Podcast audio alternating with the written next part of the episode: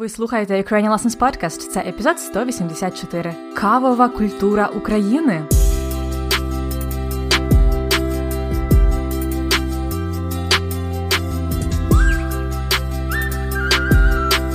Привіт-привіт! Це Анна. І ще один епізод подкасту Уроки української. Це подкаст для всіх, хто вивчає і любить українську мову. І сьогодні у нас завершальний епізод серії про українську їжу та гастрономію. На завершення я подаю вам каву. Кава це велика частина сучасної української культури. Це те, що набуло величезної популярності буквально за останні 10 років. Отже, погляньмо сьогодні, як саме українці люблять пити каву і чому? Готові починати? У Сполучених Штатах виділяють так звані хвилі споживання кави. Перша хвиля це поява кавових брендів, наприклад, Нескафе. Цей бренд був також дуже популярний в Україні. Друга хвиля кавової культури це коли виникли кав'ярні, як е, місця, де люди можуть випити кави, але також поспілкуватись з друзями, відпочити. У таких кав'ярнях почали частіше готувати каву в італійському стилі на основі еспресо. І третя хвиля пов'язана з розумінням того, звідки до нас прийшли кавові зерна, чи була кава вирощена на екологічних фермах, який це сорт кави. А також дуже важливо стало використовувати свіжо обсмажену каву. Свіжо обсмажена кава або кава свіжого обсмаження це зерна кави, які смажать незадовго перед тим, як її готувати. Зараз в Україні якраз можна спостерігати такий бум кав'ярень так званої третьої хвилі. А що ж було раніше? Насправді, історія кави в Україні сягає далеких часів. Насамперед, тому що Україна здавна мала зв'язки зі східними країнами і також з Туреччиною. Тому можна припускати, що деякі козаки, особливо заможні, багаті люди в той час, пили каву.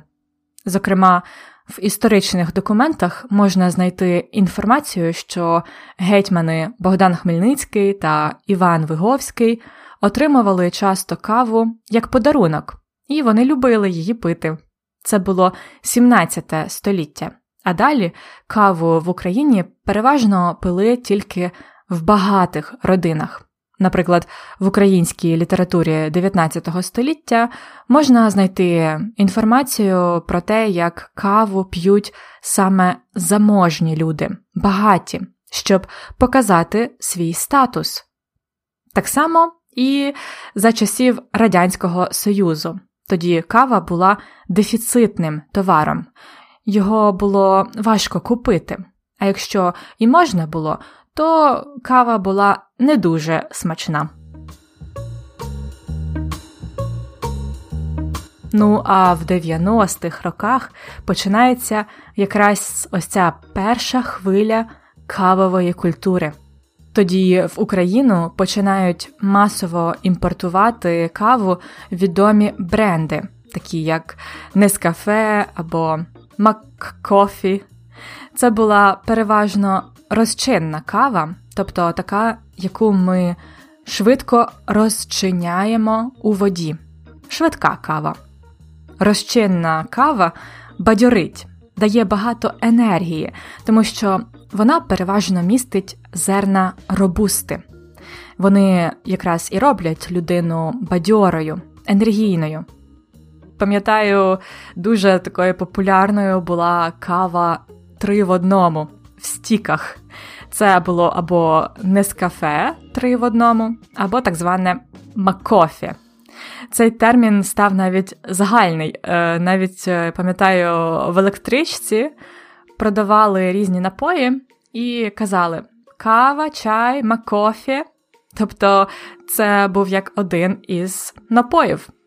Так от, ось це макофі містить в собі цукор, сухі вершки і, власне, каву, розчинну каву.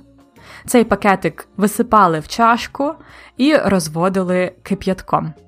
Виходив такий дуже солодкий напій, який важко порівняти з кавою, але його якраз і любили через те, що він був простий і солодкий. Зараз я б вже не наважилась випити таку каву. Ну а наприкінці 90-х років в Україні, особливо у великих містах, починають з'являтися перші кав'ярні, які вже звертають важливу увагу на зерна, на те, щоб кава була зварена на основі зерна арабіки. Це більш ніжна і корисніша кава, ніж робуста. Тоді каву почали готувати в кав'ярнях італійським методом, а саме в еспресо машині. Тоді і почали бути популярними такі види кави, як еспресо, американо, тобто це еспресо з подвійною кількістю води, а також капучино і лате. Пам'ятаю, тоді ще українці говорили частіше саме лате, е, а зараз поступово дедалі більше людей говорять правильний наголос лате. І вже у 21 столітті в Україну також приходить третя хвиля кавової культури, і зараз вона просто на дуже високому рівні і активно розвивається.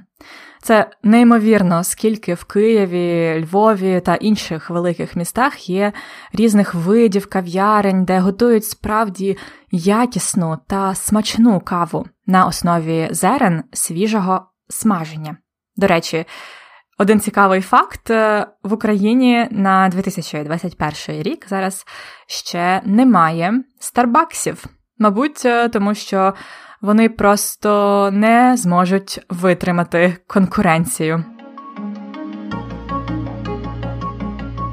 Оригінальні авторські кав'ярні в Україні ми називаємо ще хіпстерські. Трошки важко пояснити, хто такі хіпстери в Україні, саме тому що це поняття трохи відрізняється від інших країн, е, зокрема від Америки. Є такий стереотип, що українські хіпстери, якщо це хлопці, вони бородаті, тобто мають бороду. А також хіпстери дуже так унікально одягаються в такому американському ретро стилі. Ну і, звичайно, хіпстери люблять сидіти в кав'ярнях і пити каву, але зазвичай не звичайну каву, а оригінальну. Можливо, якщо ви не дуже добре знаєтесь на каві, то хіпстерські кав'ярні в Києві можуть вас спантеличити, тому що в таких кав'ярнях є багато видів кави, які не всі знають. Там є, завжди еспресо, капучино, лате, але також є нові різновиди саме в плані приготування кави. Це так звана альтернативна кава, наприклад, Chemex, Пуровер і Аеропрес. Chemex і Пуровер це спеціальні посудини, у які вставляють фільтр, засипають туди каву і проливають через цю посудину гарячу воду. А аеропрес це коли такий беруть пристрій, який нагадує великий шприц. Е, туди засипають каву, наливають воду і витискають повітря, яке виштовхує напій у горнятко. Такі альтернативні способи приготування кави дають змогу максимально розкрити смак зерна. Ну, але таку каву альтернативну, звісно, готують здебільшого саме в кав'ярнях. А як п'ють каву українці вдома? Зараз я живу у Швеції, і тут абсолютно в усіх шведів вдома обов'язково є фільтрова кавоварка. Ми собі теж купили таку кавоварку в Швеції. Це дуже популярний спосіб е, варити каву в багатьох країнах, бо так можна швидко приготувати багато кави за раз. І виходить така не дуже густа кава. В Україні, мені здається, фільтрова кава наразі не дуже поширена. Натомість українці вдома часто заварюють каву в турці або джезві. Це так звана кава по-турецьки. Так, е, наприклад, роблять мої батьки. Вони щодня п'ють каву і заварюють її в турці. Я сама дуже люблю такий спосіб приготування кави, але така кава виходить дуже насичена, дуже густа. А ще деякі українці мають вдома кавомашину, яка робить еспресо, так звані капсульні кавоварки, які популярні, наприклад, е, у Франції, поки що не популярні в Україні. До речі, Швеція це якраз е, країна, де п'ють дуже багато кави. Разом з Фінляндією вони лідирують в списках е, випитих кілограмів кави за рік. Але в Україні насправді люди не п'ють так багато кави. Більшість моїх знайомих п'є одну або дві чашки кави на день, а я навіть і менше п'ю. Це, мабуть, е, тому що я дуже люблю чай. Українці зазвичай люблять і каву, і чай майже однаково. І тому вони п'ють каву або за компанію, або як певний ритуал. Наприклад, щоб приготувати каву в турці, треба довго над нею стояти, слідкувати, щоб кава не збігла. А якщо пити каву в кав'ярнях часто, то це дорого. Тому переважно ми п'ємо одну-дві чашки на день. Можна також простежити тенденцію, що українці частіше купують каву в зернах і самі мелють її. Таким чином, вона свіжа і запашна, тобто дуже добре пахне запашна кава. І на завершення варто згадати про особливі міста України, де дуже люблять пити каву. Насамперед, це Львів. Можливо, ви самі чули, що Львів це місто кави та шоколаду. Так, львів'яни знають, як треба жити. Для них кава це спосіб життя, важлива частина соціалізації. У Львові є багато затишних кав'ярень, де можна випити кави і з'їсти щось смачненьке. Я думаю, навіть ще до того, як в Києві кава стала популярною, у Львові вона була давно частиною їхньої культури. Також кавовим містом вважають Ужгород на Закарпаття. І окремо хочу згадати про Крим, Кримський півострів. Там кава є невід'ємною частиною культури кримських татар.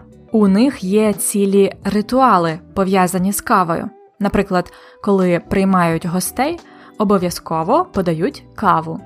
Кримські татари також варять каву у джезві, і кава виходить дуже міцна і маленька. Ви можете спробувати кримсько-татарську каву та їхні смаколики, які вони подають з кавою в одному з кримсько-татарських ресторанів е, у Києві, наприклад, у ресторані Мусафір. Отже, на 2021 рік Україна це справжній кавовий рай. Зараз можна легко купити якісні кавові зерна свіжого обсмаження, а також без проблем знайти затишну кав'ярню, у якій готують каву найвищої якості, причому багатьма різними способами.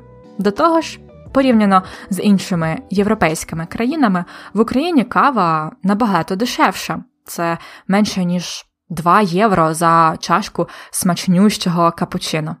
Тому, якщо ви любите добру каву, ви точно полюбите Україну.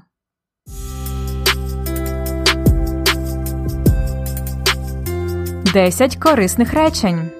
Ну, а зараз, як завжди, будемо розбирати десяток цікавих і корисних для вас речень. Готові?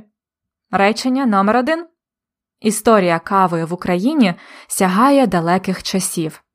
Сягати це доходити, якщо ми говоримо про час. Ми часто кажемо саме так: історія чогось сягає якогось століття чи часу.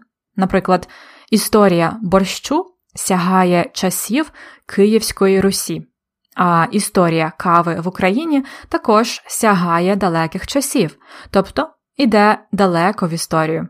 Повторіть, історія кави в Україні сягає далеких часів.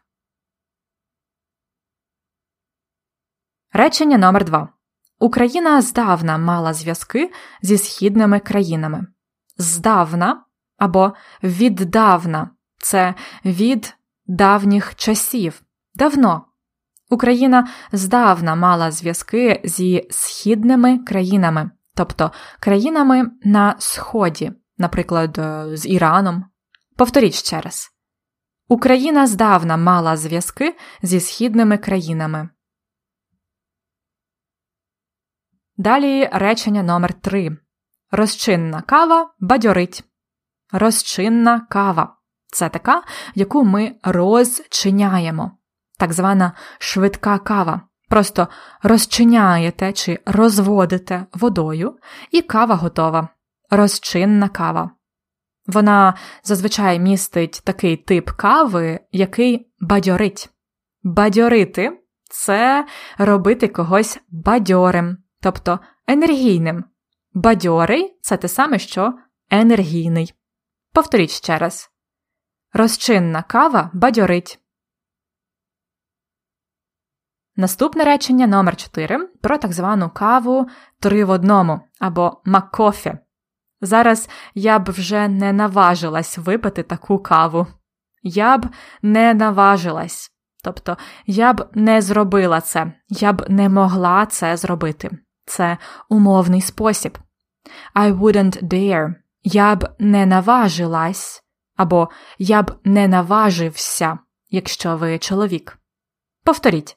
Зараз я б вже не наважилась випити таку каву.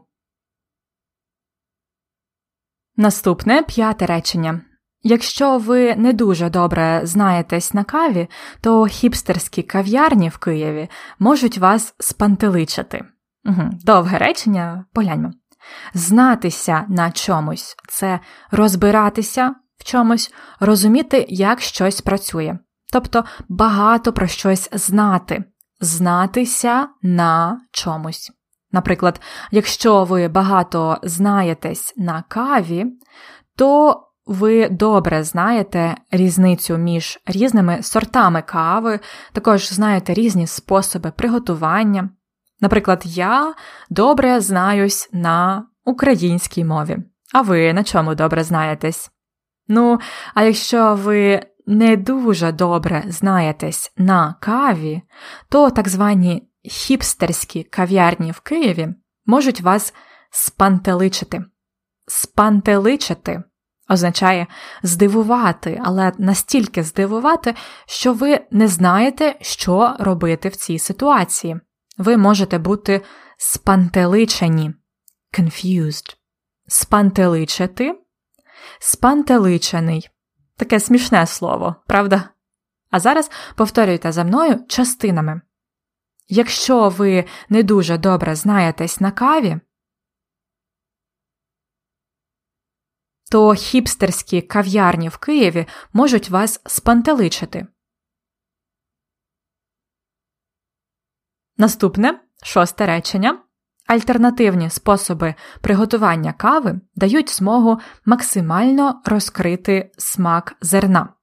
Альтернативні способи приготування кави це, наприклад, кемекс, пуровер, аеропрес, вони дають змогу, тобто дозволяють, дають змогу максимально розкрити смак зерна тобто взяти все від кавового зерна, відчути смак наповну. Повторіть ще раз. Альтернативні способи приготування кави дають змогу максимально розкрити смак зерна.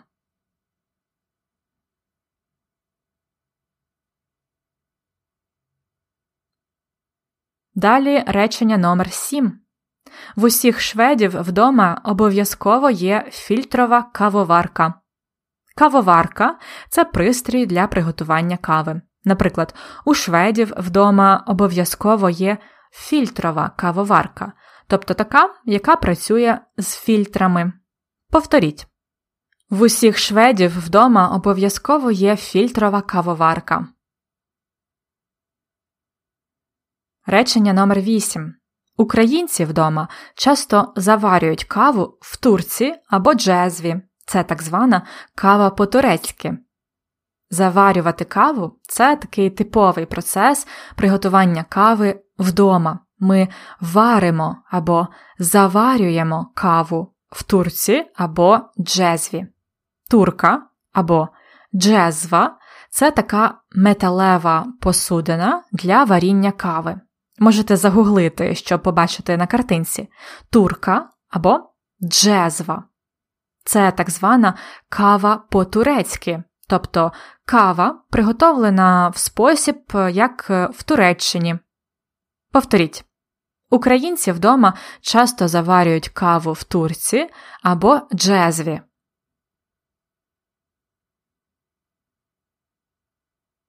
Це так звана кава по-турецьки.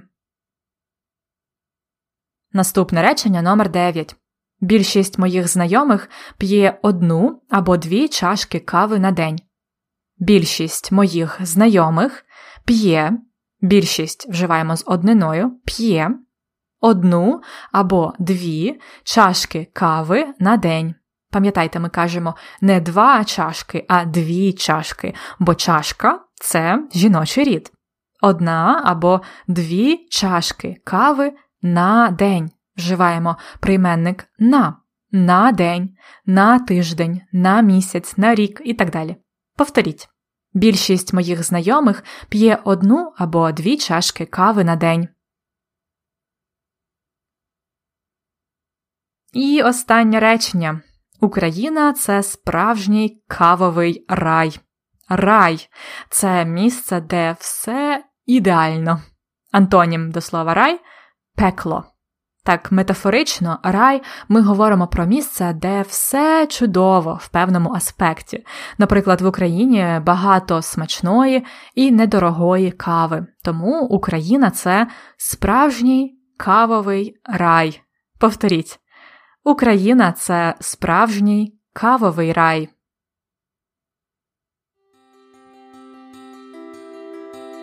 І це все на сьогодні. Я сподіваюся, вам були до смаку останні епізоди подкасту про їжу, напої та гастрономію. Наступного разу буде щось новеньке. Не забудьте завантажити та опрацювати конспект уроку, якщо ви оформили нашу преміум підписку. У конспекті є повний транскрипт епізоду, тобто текст всього, що ви чули сьогодні, а також переклад складних слів, списки корисних речень та вправи для практики. Щоб дізнатися більше про преміум, переходьте за посиланням ukrainianlessons.com риска епізод 184 ukrainianlessons.com slash episode 184 Смачної вам кави чи чаю. До наступного уроку. На все добре!